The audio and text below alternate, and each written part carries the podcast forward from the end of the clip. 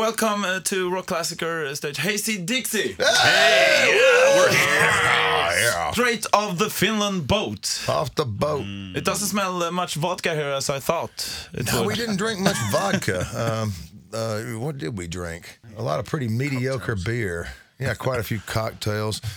Um, it's an interesting boat. I think we might have found our next two support bands. One of them was singing an absolutely fat Elvis, not Vegas, but Reno, Nevada version of Guantanamera, hey, Guantanamera. I was sold.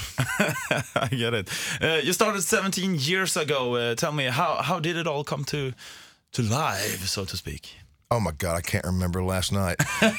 uh, well, um, yeah, gosh, 17 years ago. Do you remember who you were back then, Joe? No, I don't even know if I was born then. I think you were, mate. You're like 45. What's that? Twenty four hundred hours? How Something. hours I, would that oh be? man, you're asking. Jake, you're the mathematician.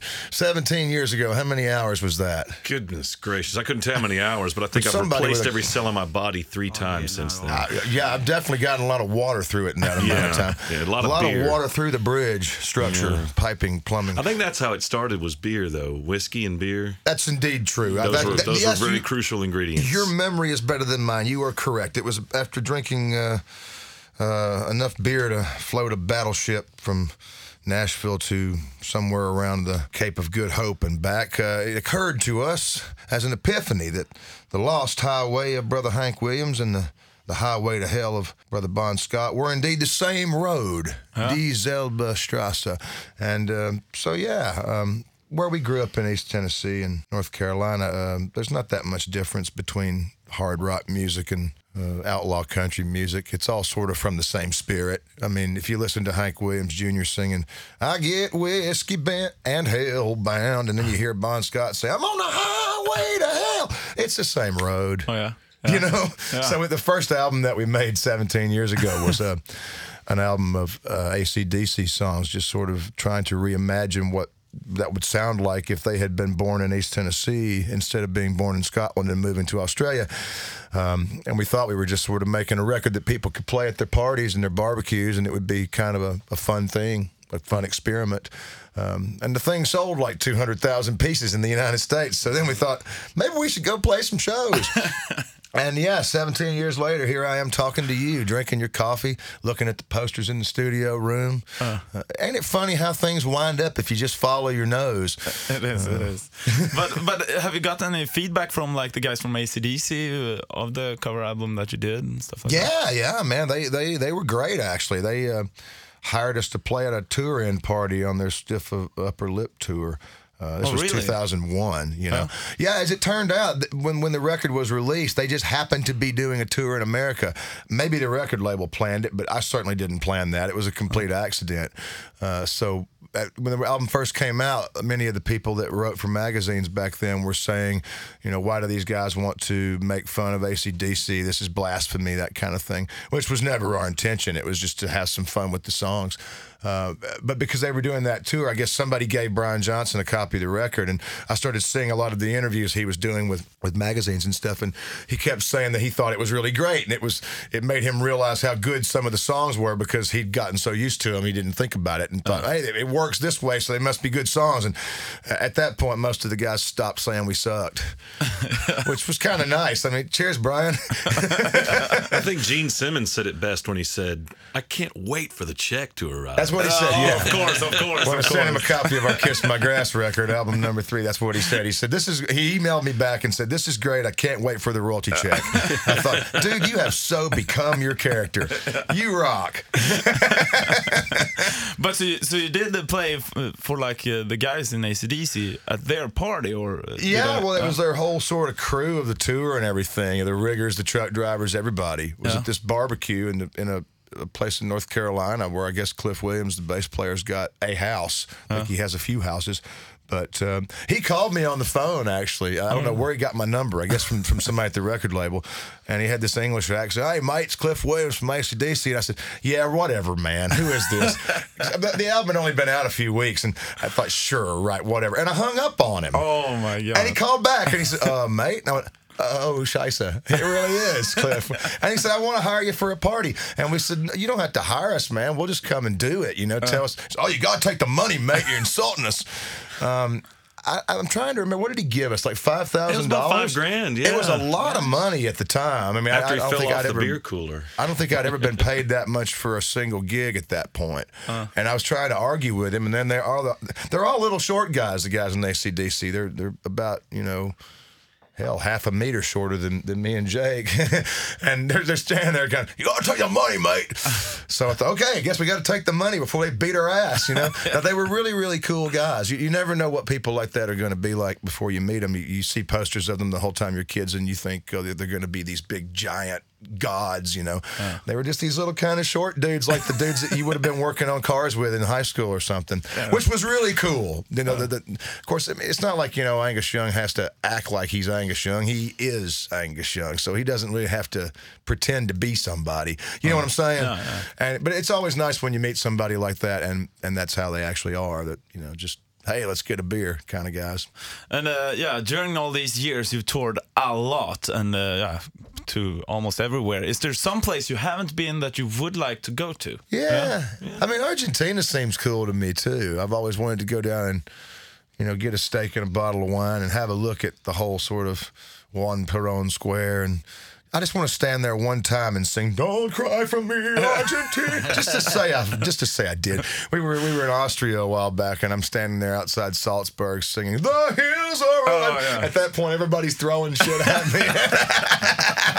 but you have to do it, right? Another tourist. Yeah, oh yeah. But if you're gonna be a tourist, man, be one. I mean, jump out there with both feet and embody it, you know, and, and do it as a show. I think. No, we're, we're into it, uh, memories and stuff like that. What's your, what is your favorite memory while being on tour? Man, I can't remember. if you remember it, maybe you weren't there. Going to Iceland was fun. That was Yeah. We interesting. played in uh, Reykjavik? Or, Yeah. Yeah. I mean, it sounds a bit pretentious, but I think uh, opening the main stage at Glastonbury in 2005 is maybe one of my Oh, yeah. most interesting memories because, um, well, not because we played to so many people, but we, we were the first act on the stage on the Saturday morning. And um, there was almost nobody in the field. It was we, we got to do a line check or sound check though, which a lot of guys don't get to do because we were going first. So I walked out on the stage about a half an hour before we were supposed to play to plug things in, and there were like 50 people sitting in this huge field. And I thought, oh God, is there going to be nobody? So I called Dave, our sound man, on my cell phone because he, was out at the mix position, which is I don't know two football fields out, you know, in the middle. And I called him and I said, okay, look, we're going to play like Banjo Signal or Foggy Mountain Breakdown or something, some banjo tune. I want you to turn it up and rip the knob off, man. Wake them up. And he said, well, we've got a, a I think it was 105 decibel sound limit at the, at the mix position. And I said, Is there somebody there measuring it? And he said, Yeah, there's a guy here with a decibel meter. And I said, Argue with him. You know, tell him, tell him is that A weighted, C weighted, B weighted, you know, at one oh. kilohertz, at 50 hertz. I said, crank up 3K on the banjo and scream at him. So he said he actually achieved 120 decibels at mixed position, which is oh. about like a jet taking off. Oh. And we played this for like 15 minutes, continuing to say to the monitor engineer, No, more, less, more, less. and all of a sudden, they all started coming down. And when we, when we when we actually started playing the first song, there were like 60,000 people there. I mean, then the, later the day, we heard people from the other side of the site tell us they could hear it. that's why we love Dave, our sound man. That, that's what I like about that memory. And we paid 212 pounds as a fine for violating the sound limit. Money well spent, mate. it, I have spent more to have less fun. All right. Uh, you also done an album, uh, Sergeant Munch Drikke Klubb Band. Yeah. Uh, and uh, there's uh, songs in Norwegian. Now, Sort how- of how- in Norwegian, in Yeah, a bad yeah, yeah. American accent. Uh, yeah, I, I thought it sounded pretty much like Norwegian. Yeah, Actually. okay, I it works for it. Yeah, yeah, I thought it was good, better than my Norwegian. but uh, but um, like, how did how did you come up with that idea? Well, we've been spending a lot of time in Norway during those those years, and uh, just kind of wanted to give something back to the nation. You know, they were they were really kind. I don't know if they wanted it, but I don't know if they appreciated it. Maybe not. Maybe that's why we don't never play there they anymore. were saying no, no, no. We were saying yes, yes, yes. Boogie and miss. Bye. Did it all for the nookie. You take that nookie and stick it up your no. Uh, yeah, it was. Um, No, we were sitting in a bar called Elm Street Rock Cafe, which at that time, about 10 years ago, was the, the kind of coolest little classic rock bar in Oslo. It's since been closed and knocked down so they could build a brand new skyscraper, you know, Yeah. to, to manage the stock portfolio. And that's the first song on the album. Elm? Street Yeah, Rock yeah, yeah. Cafe, right? That's right. Yeah, we uh, we wrote that sitting in that cafe at the end of a tour. Uh, that was kind of like where the the rock scene in Norway all met up. It was their joint, you know. Um, and, it's never been quite the same since the place closed. There's not like the one place that everybody sort of meets anymore. It, it, uh-huh. the whole scene is kind of fractured around Oslo now, as best I can tell. But anyway, we were sitting in that bar, and, and I, I wrote the words to Elm Street Rock Cafe on a napkin at about two o'clock in the morning. You know, after Oh, yeah. after seven or eight pints of whatever that horrible beer they drink over there is, Ringnes maybe. I don't know. Uh, you just suffer through it, man, and pay t- pay t- pay a hundred kroner a beer and Oh, yeah, suffer through it. Um, but at that point, some of the other guys who were at the bar and guys that had been at our shows started playing us these Norwegian songs and said, "You should do some of these." And they played me one called uh, "Hvis jeg var deg så ville jeg spent ut en øl på meg." If I were you, I'd buy me a beer, right? And they told me what the words meant. And um, I said, This sounds like an interesting challenge. Why don't we do a whole record of Norwegian rock? You know? And me and Jake said, Yeah, hell yeah. You know? And we woke up the next morning and thought, Maybe that's not such a good idea. That might really actually be a lot more difficult than it sounds like. But um, the sort of methodology of this band has always been that when you have a drunk idea, uh, most people wake up the next day and think, "Oh, I was just drunk." We wake up the next day and say, "No, that was the voice of God." that is a commandment. It is what we must do. so, Must be done. And tonight you're playing in Stockholm, Kägelbanan. Yes. Then you're going through uh, G- Göteborg. Linköping, Gothenburg, Yeah. Malmö. When Kristianstad. you think of Sweden, what pops up your minds? Minnesota. Minnesota. It looks quite like it. oh, really? I, I wouldn't know. Yeah, yeah. I mean, uh, the, the the countryside's very similar. And sure enough, everybody in Minnesota is named Sørensen Peterson. Oh, yeah, yeah. Lots yeah. of Swedish descended, Norwegian descended people live there. Yeah, I think That's the place that. where they have uh, a whole Scandinavian town, Yeah. kind of like, right? yeah, Um, but uh, for people who hasn't uh, gotten to see you guys, uh, how would you describe a typical Hayseed Dixie show? Oh man, trying to talk about music is almost like trying to dance about a building. Um, if you stick Hayseed Dixie in YouTube, you will see way more than any of us ever want to watch. I mean, it's impossible to describe it. I mean, uh, we we play uh, we, we consider ourselves basically to be a rock and roll band that's playing on folk instruments. You know, we're Yeah. uh, Tim maybe more than the rest of us. The banjo player Tim here is is probably more of a of a bluegrass player than the rest of us, but he's also pretty firmly rooted in rock and roll. The rest of us all grew up playing rock and roll. So I mean, I'm not a, I'm not a country singer really, and Jake's not really a country bass player.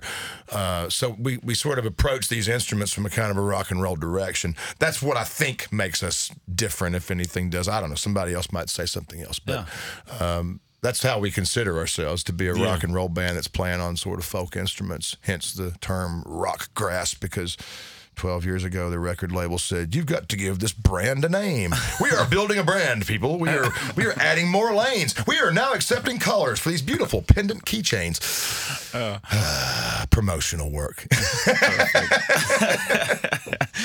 Uh, but you played a lot of festivals and also a lot of clubs. Uh, what what do you prefer? I've always liked the rock clubs the best because if people want to reach out and touch you, they can. and the, the festival, sometimes you're 10 meters from the crowd and it's just kind of impersonal. Okay, yeah, You know. yeah, I get it. Yeah, Uh, you do sort of sometimes feel like you're playing at them instead of playing to them when there's a lot of them really far away. Yeah, I think from a show point of view, I probably enjoy sort of six or seven hundred people type venues the most because you can. There's enough people to start a pretty good party, but there's not so many that you can't have kind of a personal show and tell some stories and uh, but from a, every other point of view i think i like festivals better because i get to see other people's shows uh, when you go out and do your own tours Uh, you look on the wall in the venue and say, "Oh, they were there last week. Oh, these guys are coming in two weeks. Guess I won't see them this year." and it does become quite insular. You find yourself sort of um, playing the same, roughly the same set every night. We change a few songs depending, but yeah, you sort of do your show and you don't really see anybody else's. Whereas you go to a festival, and hopefully, if you have a little bit of time to hang out there, you get a chance to go out and actually watch some other guys play, so you can steal some of their licks. And Festivals are good because there's a lot of people that normally wouldn't come to see the band. There's that too, get yeah. turned on to the band for the first time. Very So, true. You know, people that that's come to the venues, the club venues, come to see the band. Festivals, you're that's a whole new audience. You know? Yeah. yeah, that's true too. That's a good yeah. It's nice. I mean, playing playing a, uh, such a cross section of different places. You know, some places are like huge, big festivals. You're playing in front of tens of thousands of people. Some of our shows in the UK and that, which are our own shows, we might play it with a thousand, two thousand people. Then you come to, you know, uh, uh, other countries and stuff uh, where you're not well known. You might be playing to 70, 80 people, um, and it's really nice having that kind of graph going up and down. You know, Yeah. it's not all just one thing. I mean, I'd feel bad if it was a stadium band that was just playing stadiums. That's going to get pretty tiresome pretty quick, you know. If Keeps you're- humble. If you're just playing places that are 50 people every night, after a while that's going to wear thin. Whereas having like the big, you know, the peaks and the troughs of playing, it keeps it all real, you know. Yeah. it's nice. I agree with that. Yeah, well said, Joe. Uh, tonight, uh, Kägelbanan, Stockholm. I hope you will enjoy Sweden, guys, and uh, have a lot of fun. Thank you. Oh, thank Thanks you. very much. Thanks for swinging by. Yeah, thanks for having us in. all of the time. Ett poddtips från Podplay. I fallen jag aldrig glömmer djupdyker Hasse Aro i arbetet bakom några av Sveriges mest uppseendeväckande brottsutredningar.